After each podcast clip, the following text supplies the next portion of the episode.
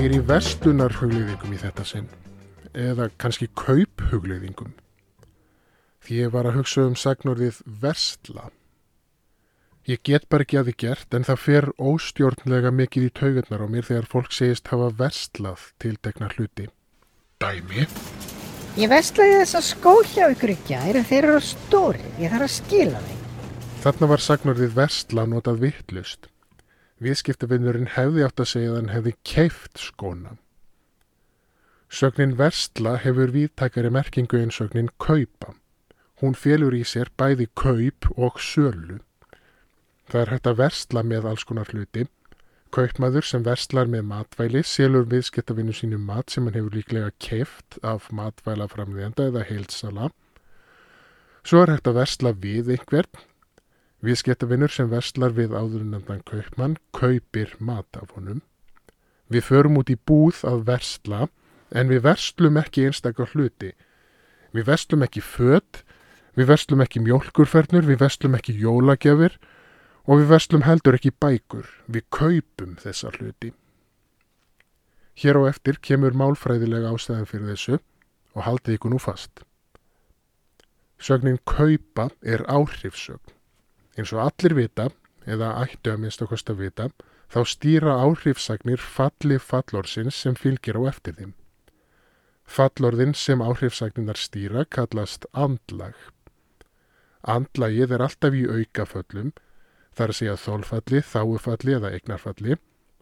Sögnin kaupa stýrir til dæmis þólfalli. Dæmi?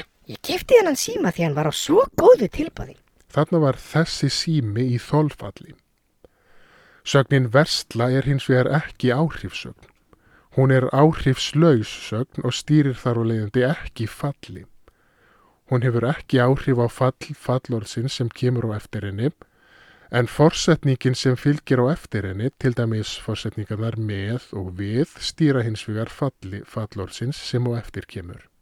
Þetta er svo einfalt krakka mínir. Í rítmálsafni orðabókar háskólans má þó sjá sögnina versla hegða sér eins og áhrifsögn sem stjórnar þáufalli. Dæmi eru um að menn hafi verslað vörum sínum eða verslað kjöti. Í þessum dæmum hefur sögnin sömu merkingu og sögnin selja. Dæmi? Hann verslaði vörum sínum á eirarbakka. Meðað við orðfar margra Íslendinga verði sögnin versla nú vera orðin af áhrifsögn sem stýrir þólfalli eins og sögnin kaupa og hefur þá svipaða merkingu. Kanski má líta á þetta sem eðlilega þróun í tungumálinu, ég veit það ekki. En mér finnst hún að minnst okkurstu vera til hins verra og finnst að við ættum að koma í veg fyrir hana.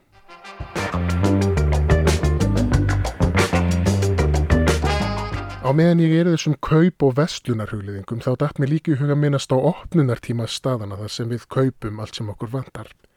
Ég er aldrei ósáttur við hennan opnunartíma. Hann er allavega ekki alltaf notaður rétt. Mér langar frekar til að tala um afgreðslu tíma. Ég prófið að googla þessi tvö orð, opnunartíma og afgreðslu tíma. Afgreðslu tími fær 280.000 atkveði hjá Google.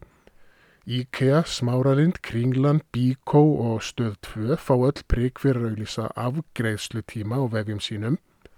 En opnunartími hefur samt vinningin með 1.250.000 atkvæði.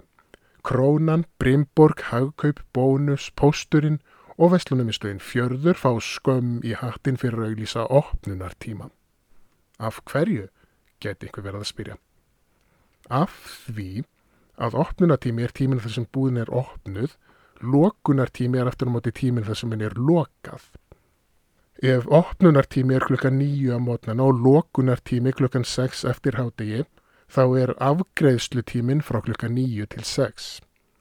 Svo vil ég líka benda þessun í framhjálpupi að búðir opna ekki og þær loka ekki heldur, heldur eru þær opnaðar og þeim er lokað.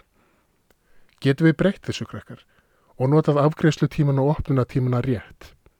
Please.